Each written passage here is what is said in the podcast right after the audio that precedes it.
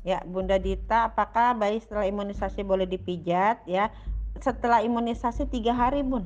Ya, setelah tiga hari imunisasi boleh dilakukan pemijatan. Gunanya untuk apa? Ya, agar vaksinnya atau imunisasinya bisa terserap dulu oleh tubuh, gitu. Dan apabila terjadi demam, misalnya seperti itu kan nggak nyaman ya. Jadi usahakan tiga hari setelah imunisasi ya. Jadi kalaupun memang mau pijat sebaiknya sebelum imunisasi aja Bun lebih baiknya gitu ya. Jadi kalau mau imun apa kalau mau pijat setelah imunisasi tiga hari baru boleh dilakukan pemijatan.